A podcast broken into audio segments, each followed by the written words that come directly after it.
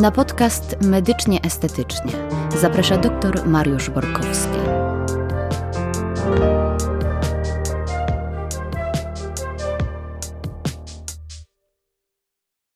Witam serdecznie w kolejnym odcinku podcastu Medycznie Estetycznie, a w nim ze mną dziś pani dr Olga Bobowska, właścicielka dwóch gabinetów w Poznaniu i w Kaliszu, gabinetów oczywiście dermatologii estetycznej. Witam cię Olgo.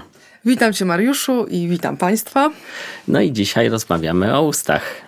Tak, gorący temat, bardzo popularny, wiecz, wiecznie żywy. Jak często wykonujemy takie zabiegi w gabinetach medycyny estetycznej? Jest to jeden z najczęściej wykonywanych zabiegów przez nas, lekarzy medycyny estetycznej. To jest zabieg praktycznie dla każdego, kto czuje taką potrzebę, bez ograniczeń wiekowych. Przychodzą to znaczy, pacjenci... przepraszam ci, wchodzę w mhm. słowo, ale bez ograniczeń wiekowych to jak? Znaczy, od kiedy? może przesadziłam. To no, najmłodsze. No powiedzmy, zdarzają się, że przychodzą pacjenci jeszcze niepełnoletni, nastoletni. No oczywiście wymagana jest wówczas zgoda rodziców rodzica. Jeżeli to jest tak już mówię od tych najmłodszych, bo najmłodszy pacjent, jakiego miałam, pacjentka na modelowanie czerwieni wargowej, to była 14-letnia dziewczyna. Y, jeżeli byłaby to jej taka fanaberia, że o, nie podobają jej się usta, przyszła z rodzicem, który podpisał zgodę, bym odmówiła, ale to była dziewczyna, która była po rozszczepie wargi, y, czyli ten zabieg był u niej korekcyjny, y, poprawiający jej dobrostan psychofizyczny. Uważałam, że ten zabieg był dla niej potrzebny. A najstarszy pacjent, jakiego miałam w gabinecie, to była pacjentka 86-letnia. Ja muszę powiedzieć, że Czyli mi się taka zdarzyła, rozpiętość wiekowa. I mi się mhm. zdarzyła 16-latka, której powiększałem mhm. usta zarówno jej, jak i mamie w tym samym czasie, ale zostałem mocno przez moją żonę ochrzaniony, że tak powiem, że nie, że nie powinienem, mhm. bo jest to jednak może... Osoba po... niepełnoletnia. Nie, ale też mhm. nawet, nie, nawet jeżeli była zgoda, to że tak. jednak mimo wszystko jakby sugeruje, że to jest jakaś niedoskonałość, której po prostu nie było i komuś może to wpływać potem na jego postrzeganie swojego no, ciała w to przyszłości. Jest sprawa dyskusyjna co do tych osób niepełnoletnich, myślę, y, jakby nie jest przeciwwskazaniem jakiś wiek. No wiadomo, że dziecku nie będziemy tego robić, no tak. tak. Ale jeżeli tu akurat na przykład ja mam, widzę potrzebę korekcji z powodu na przykład, nie wiem, jakiegoś właśnie rozszczepu wargi wrodzonego, y, z powodu jakiejś blizny powypadkowej, zdarza się, że wykonuję również nastolatkom takie zabiegi. Ale zwróćmy mhm. uwagę, jak się zmienia podejście, że teraz przekuwa się uszy bardzo małym dzieciom, tak, co dokładnie. parę lat temu mhm. było uznane za jakieś straszne Niedługo ta, tatuaże będą sobie robić dzieci. Ja mam, mam nadzieję, nadzieję że, że, nie. że, nie. dożyjemy takich czasów, dokładnie. Ale to się wszystko zmienia. Tak. Natomiast najstarsze mhm. osoby, e, właśnie takie 80-letnie, ja miałem taką sytuację, że mi pani powiedziała, ależ Mariuszu, przecież my randkujemy. dokładnie. E, więc modelowanie ust to też odmłodzenie. Usta się starzeją. Czasem zdarza się, że pacjent, który, pacjent, pacjentka, bo to ja mówię Mówię pacjent, ponieważ na modelowanie ust też przychodzą coraz częściej mężczyźni. To nie są tylko pacjentki. Y, ja średnio w swoim gabinecie to u mnie to jest takie, no do 5 już procent. Przynajmniej raz w miesiącu trafia mi się jakiś mężczyzna na modelowanie ust, dlatego mówię pacjenci wiedzą, że modelowanie ust to nie jest tylko ich powiększenie. To jest również rewitalizacja, nawilżenie, wygładzenie, poprawa kolorytu, czyli takie stosujemy wówczas techniki i preparaty bardzo delikatnego, praktycznie bez zmiany kształtu, bez powiększenia, ale aplikujemy kwas hialuronowy po to, żeby poprawić jakość i odmłodzić czerwień wargową, bo właśnie zdarza się, że pacjenci, którzy y, mają piękne usta, po prostu one z wiekiem tracą tą jędrność, napięcie, y, pojawiają się drobne zmarszczki y, wokół konturu czerwieni wargowej, dlatego często pacjenci decydują się na tak zwane odmłodzenie, tak? A powiedz mi, jeżeli chodzi o nawilżanie ust, y, to zacznijmy może od trendów. Ty, jakie widzimy, jakie widzisz trendy, a potem byśmy przeszli po poszczególnych, że tak powiem, sposobach y, powiększania lub nawilżania ust. Tak, no trendy się zmieniają na przestrzeni ponad 10 lat, y, przez które praktykuję medycynę estetyczną. Trendy się zmieniały. Kiedyś było tak, że pacjentka tak ja przynajmniej obserwuję, może masz inne spostrzeżenia w swojej e, pracy, że e, przychodziły pacjentki na przykład z gazetą, tak, czy zdjęciem koleżanki, że o, chcę takie usta, albo usta Angeliny, czy jakiejś znanej aktorki, na przykład celebrytki. Teraz raczej widzę, że dominują trendy takie na naturalne usta. Pacjenci chcą mieć usta indywidualnie dopasowane do siebie, do swojej twarzy, do swojego charakteru, czy takie usta szyte na miarę indywidualnie dopasowane. Już nie chcą się upodabniać do kogoś, chcą być nadal sobą, być po prostu lepszą wersją samego siebie. A czy w związku z tym e, są jakieś techniki, e, bo bardzo często pacjenci przychodzą i mówią, a ja bym chciała mieć takie naturalne usta, na przykład na płasko. Co o tym No myślisz? właśnie, no i to jest ciekawe, bo y, te wszystkie nazwy, no myślę, że tutaj media społecznościowe, Instagram i wykreowały pewne nazwy. To są nazwy marketingowe. Na przykład Hollywood Lips, Paris Lips, Russian Lips, tak, y, usta na płasko. Kiedyś się o tym nie mówiło, to nie są nazwy naukowe, medyczne takie, to jest nazwa po prostu jakiegoś trendu, jakiegoś y, kształtu ust może, którym chcemy osiągnąć. Pamiętam, jak pierwszy raz przyszła do mnie parę lat temu pacjentka i pytała, czy ja modeluję usta na płasko. No i to jest śmieszna sytuacja, bo y, ja się pierwszy raz spotkałam z określeniem na płasko, Oczywiście była to technika, której ja używałam, tylko nie wiedziałam, że to się tak mówi na płasko, w cudzysłowie. E, I zapytałam tą pacjentkę, że tak, jeżeli pani chce, to ja mogę panią położyć. Będzie pani leżeć na płasko, tak? W sensie, że ona chce leżeć na płasko, należąco, tak? Ale potem już zorientowałam się, że to jest po prostu technika tak zwana podawania e, preparatu e, wertykalnie, czyli idąc od konturu w kierunku szpary ust, tak, że celem jest to, aby usta nie przodowały, nie stwarzały efektu takiego dzióbka, kaczorka, glonojada, bo wszyscy tego się boją. Zawsze y, co, druga, co drugi pacjent, który przychodzi celem modelowania ust, y, mówi pani doktor, tylko bez dzióbka, bez kaczorka, żeby to było naturalnie, bez tego dzióbka. I nawet często pacjenci sobie tak przykładają palec i patrzą, czy te usta nie przodują, nie wykraczają poza, my to medycznie mówimy, linię Ricketsa, czyli nie ma efektu tego przodowania, tak? Oczywiście czasem jest on pożądany, jeżeli mamy pewne wady na przykład zgryzu, tak, yy, chcemy, żeby one trochę poszły do przodu. Oczywiście oceniamy twarz pacjenta, dokonujemy oceny całej twarzy, analizujemy, rozmawiamy też z pacjentem, dobieramy y, technikę i rodzaj preparatu do potrzeb pacjenta, tak, także y, pacjent po prostu chce jednak, aby te usta pasowały do reszty twarzy. Bardzo ciekawy temat mhm. poruszyłaś związany z wadą zgryzu. My oboje nie jesteśmy stomatologami, lekarzami, e, którzy zajmują się właśnie leczeniem e, zębów, ale e, jednak to jest chyba bardzo duży, m, istotny problem, żeby mieć wyleczone i dobrze przygotowane zęby Oczywiście, to jest podstawa. zabiegu. Jeżeli są jakieś ogniska zapalne w jamie ustnej, czy w ogóle w organizmie, jakieś ogniska tak zwane siejące, my to mówimy po lekarsku, y, to będzie to przeciwwskazanie. Więc pierwsze co, muszą być wyleczone zęby, zadbane, tak? Dopiero potem przystępujemy do zabiegu. Zresztą jako lekarze zawsze dokonujemy kwalifikacji pacjenta, czyli wywiad, czy nie ma przeciwwskazań do zabiegu, bo powiedziałam, że jest to zabieg dla każdego, oczywiście o ile nie ma przeciwwskazań do takiego zabiegu. Czyli jakie to są przeciwwskazania? Jakie przeciwwskazania? Oczywiście no nie wykonujemy zabiegów kobietom w ciąży i karmiącym. To jest podstawa jak wszystkie zabiegi medycyny estetycznej. Nie wykonujemy za, takiego zabiegu y, pacjentom obciążonym chorobami, y, znaczy chorujących na nowotwory, jeżeli to są aktywne choroby, aktywne choroby immunologiczne, y, aktywne infekcje bądź przewlekłe właśnie stany zapalne, takie jak chociażby zęby niewyleczone, problemy z zatokami, migdałami, więc wywiad musi być. Aktywne stany zapalne, chociażby jakby opryszczka, tak? Jeżeli jest aktywna opryszczka albo ślad opryszczki jeszcze nie do końca wygojonej, wówczas taki zabieg przesuwa usuwamy. Nie jest to stałe przeciwwskazanie, ale jeżeli pacjent na przykład ma wywiad skłonności do opryszczki, zabezpieczamy pacjenta acyklowirem. Ja tutaj mała uwaga, jeżeli Państwo słuchacie podcastów, to pani Olga Milbrand e, z gabinetu Milbrand, e, która jest onkolożką, e, mówiła, że po zakończeniu chemioterapii, po odczekaniu chyba czterech miesięcy, ale to jest w podcaście dokładnie powiedziane, można robić. Tak, ja mówię o aktywnej chorobie w trakcie leczenia, no ale raczej nie spodziewam się, żeby taki pacjent no, przyszedł, bo ma po prostu inne problemy wtedy niż wygląd ust, tak? Ale po zakończeniu leczenia oczywiście tutaj odsyłamy do podcastu z dr Milbrand, tak? E, Olgo, powiedz mi, a czym te usta możemy powiększyć? No zdecydowanie najczęstszym wypełniaczem jest wypełniacz na bazie sieciowanego kwasu hialuronowego. E, myślę, że 99 ponad procent e, zabiegów e, jest wykonywane właśnie przy użyciu sieciowanego kwasu hialuronowego. Odchodzi się raczej od wypełniaczy permanentnych, stałych, tak jak to było kilka lat temu. Był poliakrylamid, który no niestety zbiera swoje teraz żniwa, niekorzystne niestety następstwa. Wypełnianie tłuszczem, ja akurat się tym nie zajmuję, tak.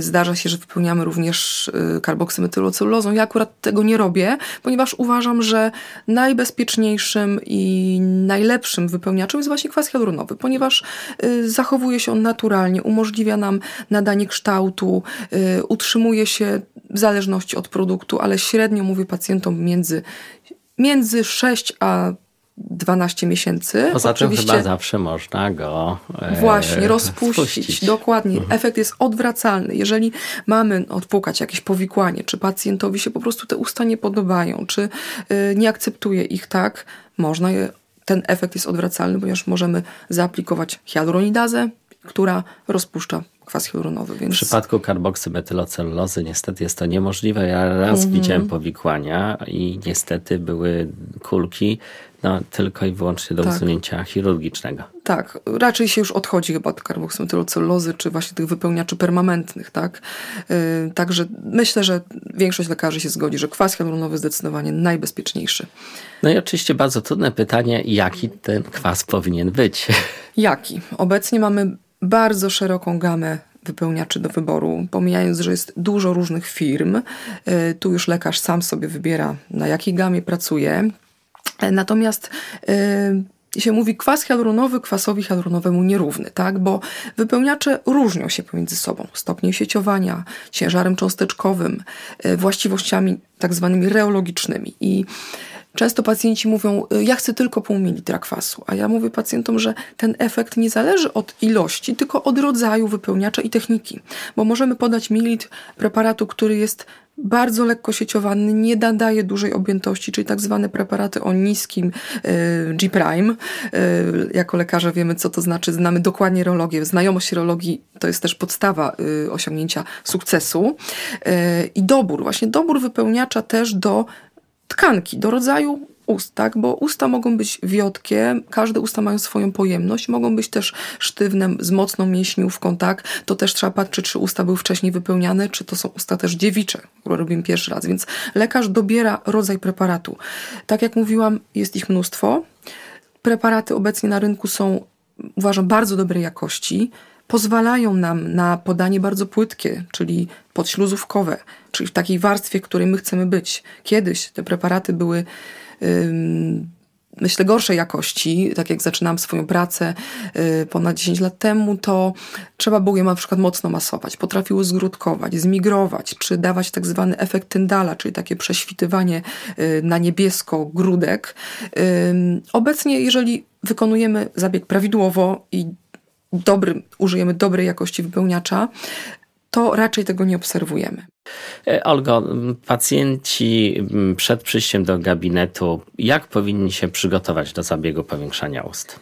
No, Myślę, że to nie wymaga jakichś specjalnych przygotowań, że powinien się nastawić psychicznie, yy, raczej zaplanować, żeby to był okres bez jakichś ważnych imprez, wystąpień.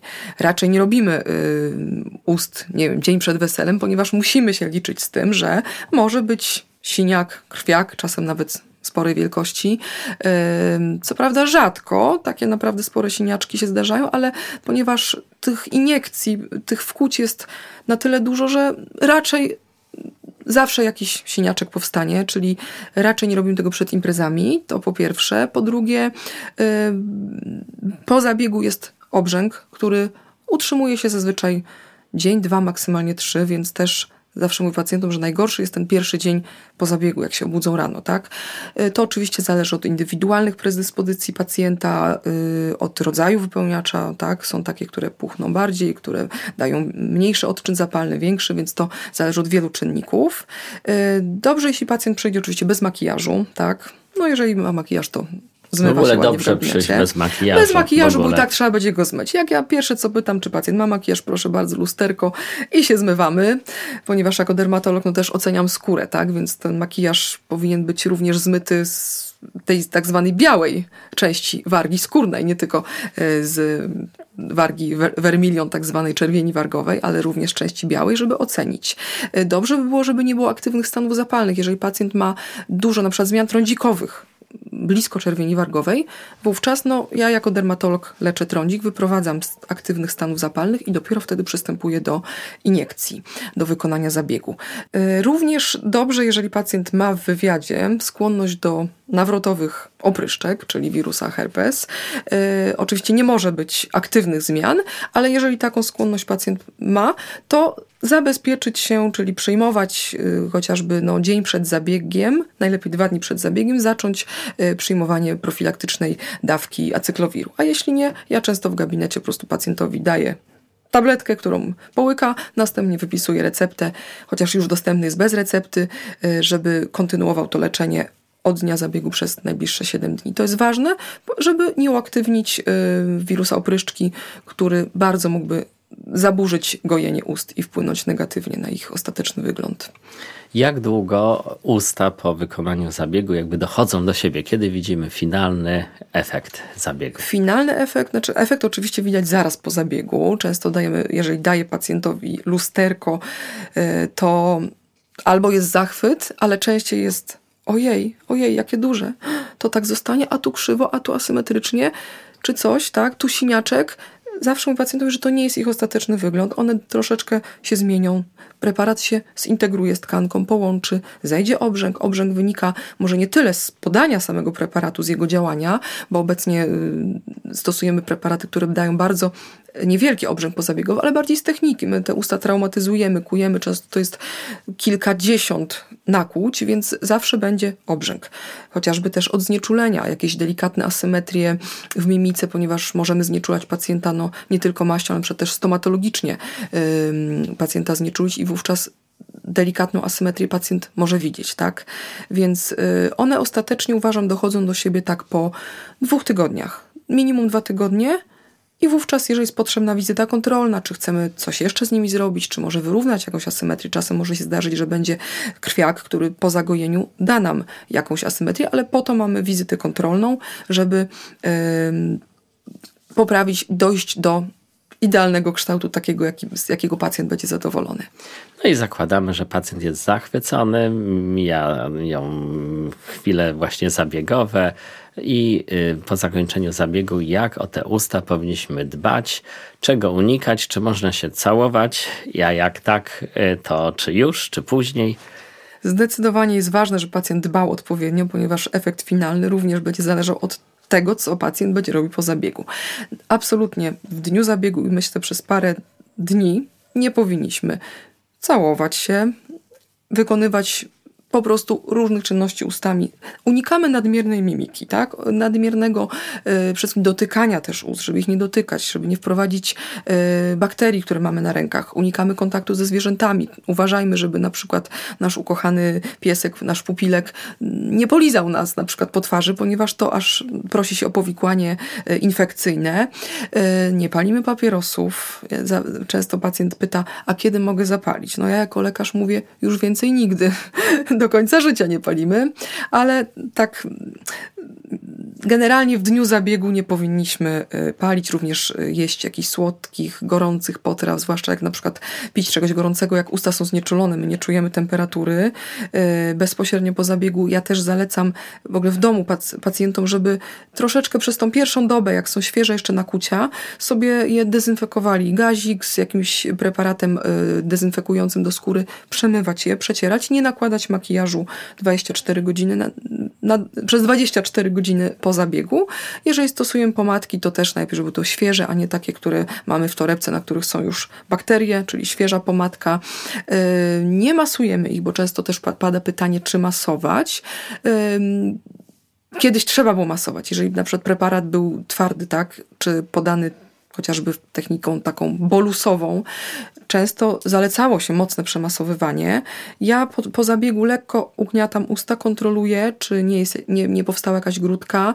Yy, pacjentowi zalecam jedynie takie kontrolne ugniatanie na zasadzie kontroli, czy gdzieś nie czuje jakiejś grudki. Jeżeli czuje, co może się zdarzyć, to w dużym stopniu może ją we własnym zakresie rozmasować, tak? Natomiast to się zdarza raczej rzadko, ale nie zalecam pacjentowi masażu. Czego jeszcze powinniśmy unikać? Opalania. Bezpośrednio nie wychodzić na słońce, nie korzystać z solarium, yy, filtry przeciwsłoneczne, tak? Natomiast okres letni, upały, okres dużego nasłonecznienia nie jest też przeciwwskazaniem do zabiegu. To, to jest zabieg, który możemy wykonywać cały rok. Ale oczywiście filtry przeciwsłoneczne i unikamy opalania po zabiegu. E, Olgo, powiedz mi, e, czy e, są jakieś powikłania, jeżeli chodzi o zabieg powiększania ust? No jak przy każdym zabiegu medycznym mogą się zdarzyć. Co prawda jest to niewielkie ryzyko, zdarzają się one naprawdę rzadko. Powikłaniem, którego my się najbardziej boimy jako lekarze, a może pacjent nie zawsze sobie uświadamia, że może to wystąpić w przypadku ust, to jest powikłanie naczyniowe.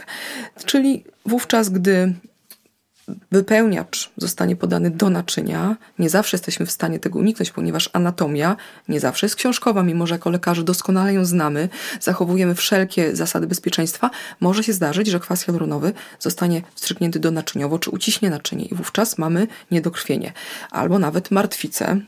Ale my jako lekarze tego nie, do tego staramy się nie dopuścić, wiemy jak zareagować, jeżeli coś takiego wystąpi, dlatego ważne, że dla naszego bezpieczeństwa, żeby te zabiegi były wykonywane tylko u lekarzy, ponieważ my wiemy jak zareagować, jak pacjenta wyprowadzić z powikłania naczyniowego, żeby nie zostawiło to trwałych następstw.